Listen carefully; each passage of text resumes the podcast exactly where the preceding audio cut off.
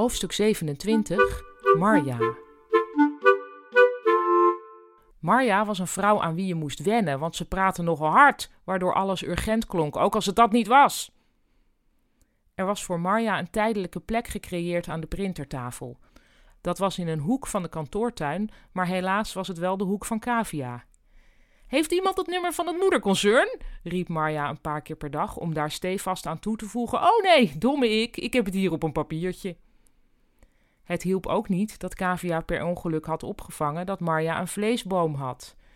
Je mocht iemand daar niet op afrekenen, maar elke keer als Marja aanbood om even wat rosbief te gaan halen, moest Cavia slikken. Na het middaguur was ze even alleen met Marja. Die greep uitgerekend dit moment aan om zich luid fluisterend tot Cavia te wenden. Ik hoorde dat Ruud gaat snoeien. Ruud gaat snoeien, waarin? vroeg Cavia. In ons, fluisterde Marja door. Afslanken die hap, alles met freelancers.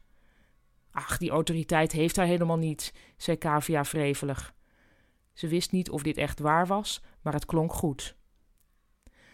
Toen de anderen weer terug waren van de lunch, bleef Marja samenzweerderig met haar wenkbrauwen bewegen richting Cavia.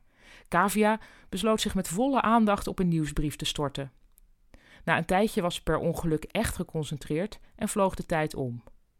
Ze merkte het dan ook niet dat Ruud bij haar bureau kwam staan. Cavia, zei hij zachtjes. Ze schrok. Kun je even naar de vergaderruimte komen?